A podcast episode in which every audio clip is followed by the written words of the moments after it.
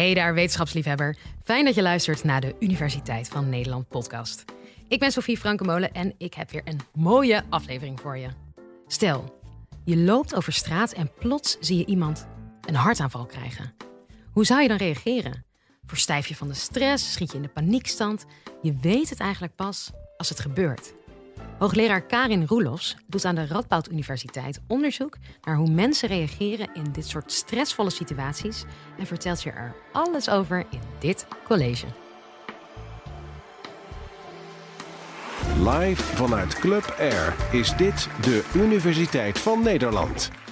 Stel u zich eens voor, u zit gespannen te wachten op een college en ineens komt hier een man binnen met een Kalashnikov. Enig idee hoe u zou reageren? Dit gebeurde 21 augustus in het Thalys van Amsterdam naar Parijs. Om precies te zijn om tien voor zes op de hoogte van Franse, Noord-Franse stad Arras. Daar was ineens een man met een Kalashnikov.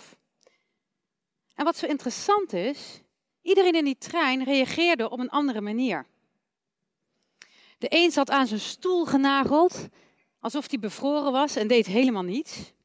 Anderen vluchtten meteen weg, zoals de conducteur met de koffiejuffrouwen die het bagagehok indoken.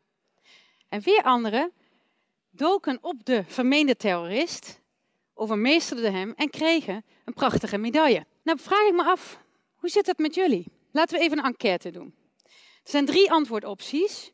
Als een kip zonder kop vluchten of vechten, niks doen, helemaal bevroren zitten of heel gecontroleerd, relaxed reageren, even kijken, 112 bellen, waar zijn de nooduitgangen?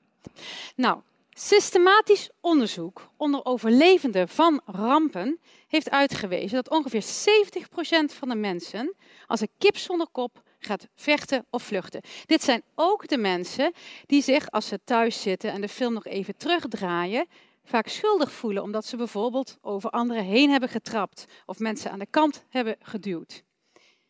Ongeveer 15% van de mensen is in staat om gecontroleerd dit soort reacties uh, te remmen en te helpen bij evacuaties.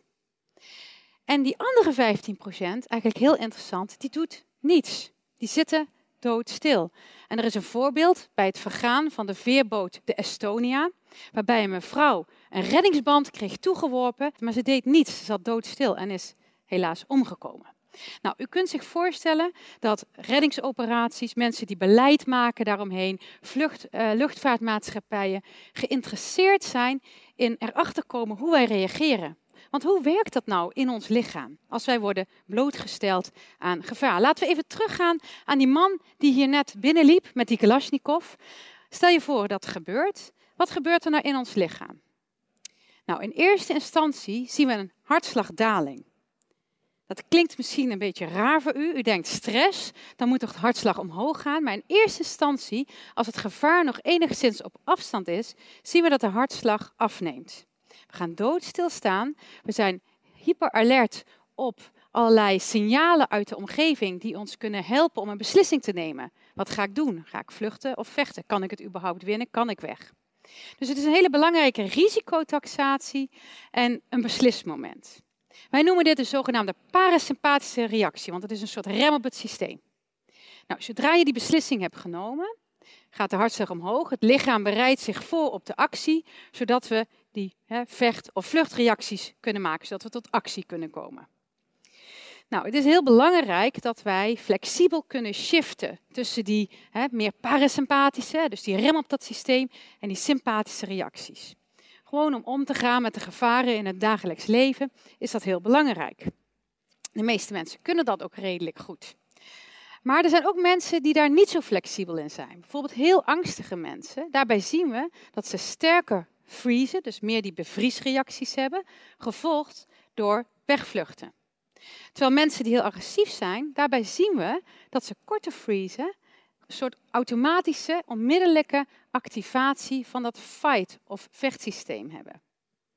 Maar wat maakt nou die individuele verschillen? Hormonen spelen daar een hele belangrijke rol bij. Want wat gebeurt er nou als er ineens zo'n iemand binnenkomt? Dan gaat een signaaltje van de hersenen naar de bijnieren, van de hypofyse naar de bijnieren, en die helpt ons om stresshormonen aan te maken. Adrenaline, cortisol. Wat we zien is dat mensen die veel cortisol aanmaken tijdens dit soort situaties, dat zijn vaak ook de mensen die meer geneigd zijn om te bevriezen en weg te gaan.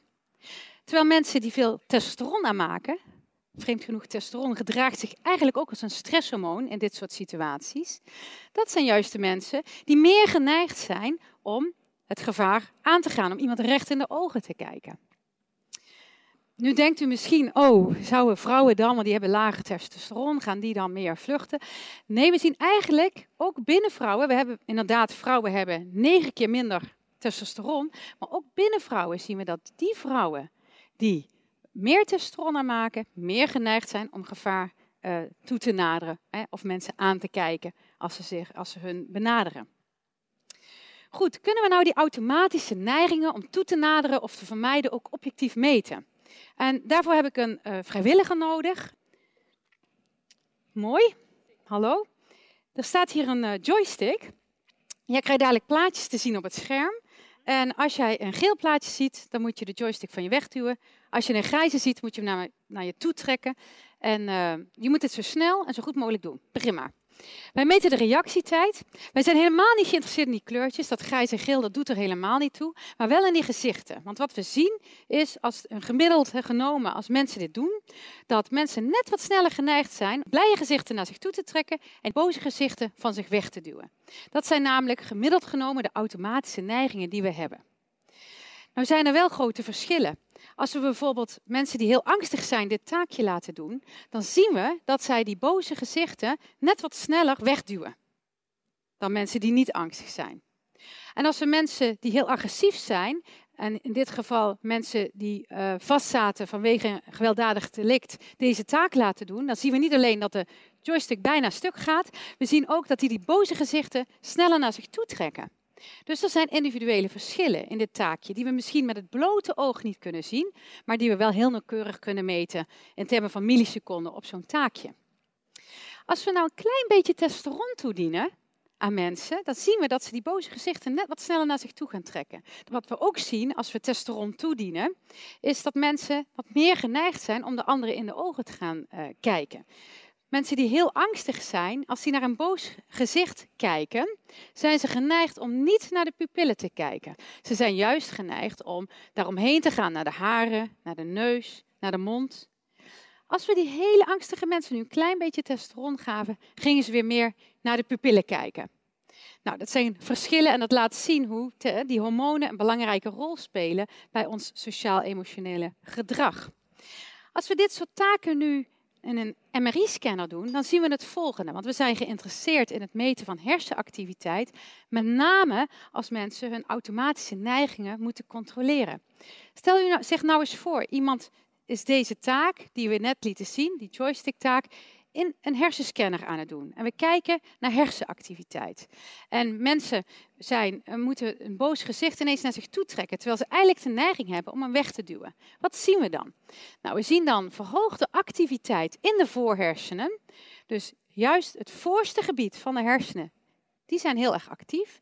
En die remmen onze emotiekernen. Het zijn twee kernen, amandelvormige kernen, heel diep in de hersenen.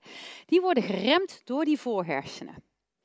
Nou, het belang van die voorhersenen bij het controleren van onze automatische neigingen, bijvoorbeeld om te vluchten of te vechten, lieten we ook zien toen we die activiteit in de voorhersenen kunstmatig een beetje verminderden.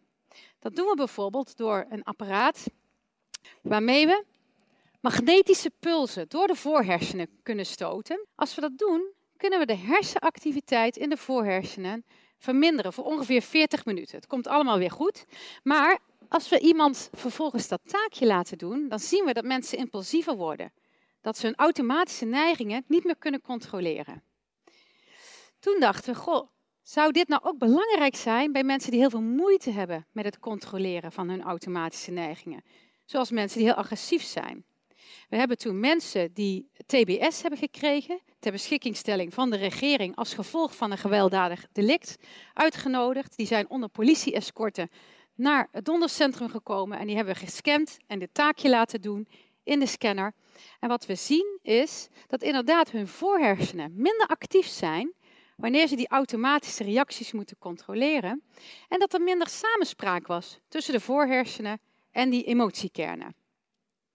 Interessant genoeg, juist de, mensen die hoge testosteron hadden, dus de psychopaten die hoge testosteron hadden, die lieten dit patroon zien van verminderde controle van de voorhersenen over die emotiekernen. Goed, kunnen we nou ook bevriezen meten in mensen? Nou, daarvoor hebben we een platform. Mensen worden op eh, dit platform gezet en kijken ondertussen naar plaatjes, bijvoorbeeld gezichten. En wij meten hoeveel ze staan te wiebelen. Mensen staan er maar altijd een beetje te wiebelen. En dit platform kan precies meten hoeveel iemand staat te wiebelen. Als we nu iemand dreigen met een schokje, of we laten hele nare plaatjes zien, of zelfs boze gezichten, dan zien we dat ze wat minder gaan wiebelen. Bij een blij gezicht staan we net wat meer te wiebelen. En dat kun je met het blote oog niet zien, want het gaat echt over tienden van millimeters. En bij een boos gezicht gaan we net wat stiller staan. Die hartslag gaat wat omlaag. En dat noemen we dus een bevriesreactie. Dat is eigenlijk precies hetzelfde wat een muis laat zien als hij door een kat achterna wordt gezeten. Gaat even doodstil zitten. Mensen hebben die reacties blijkbaar ook.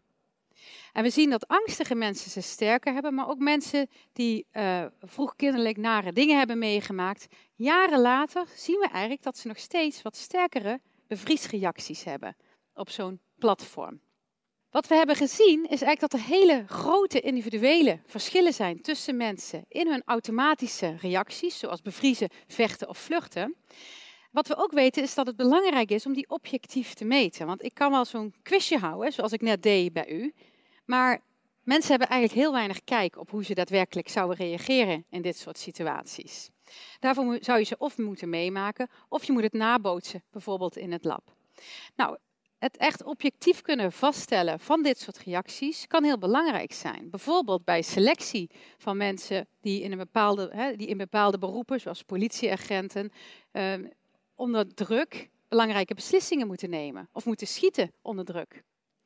Ook kunt u denken aan het vaststellen van automatische neigingen om erachter te komen of iemand agressieve neigingen heeft.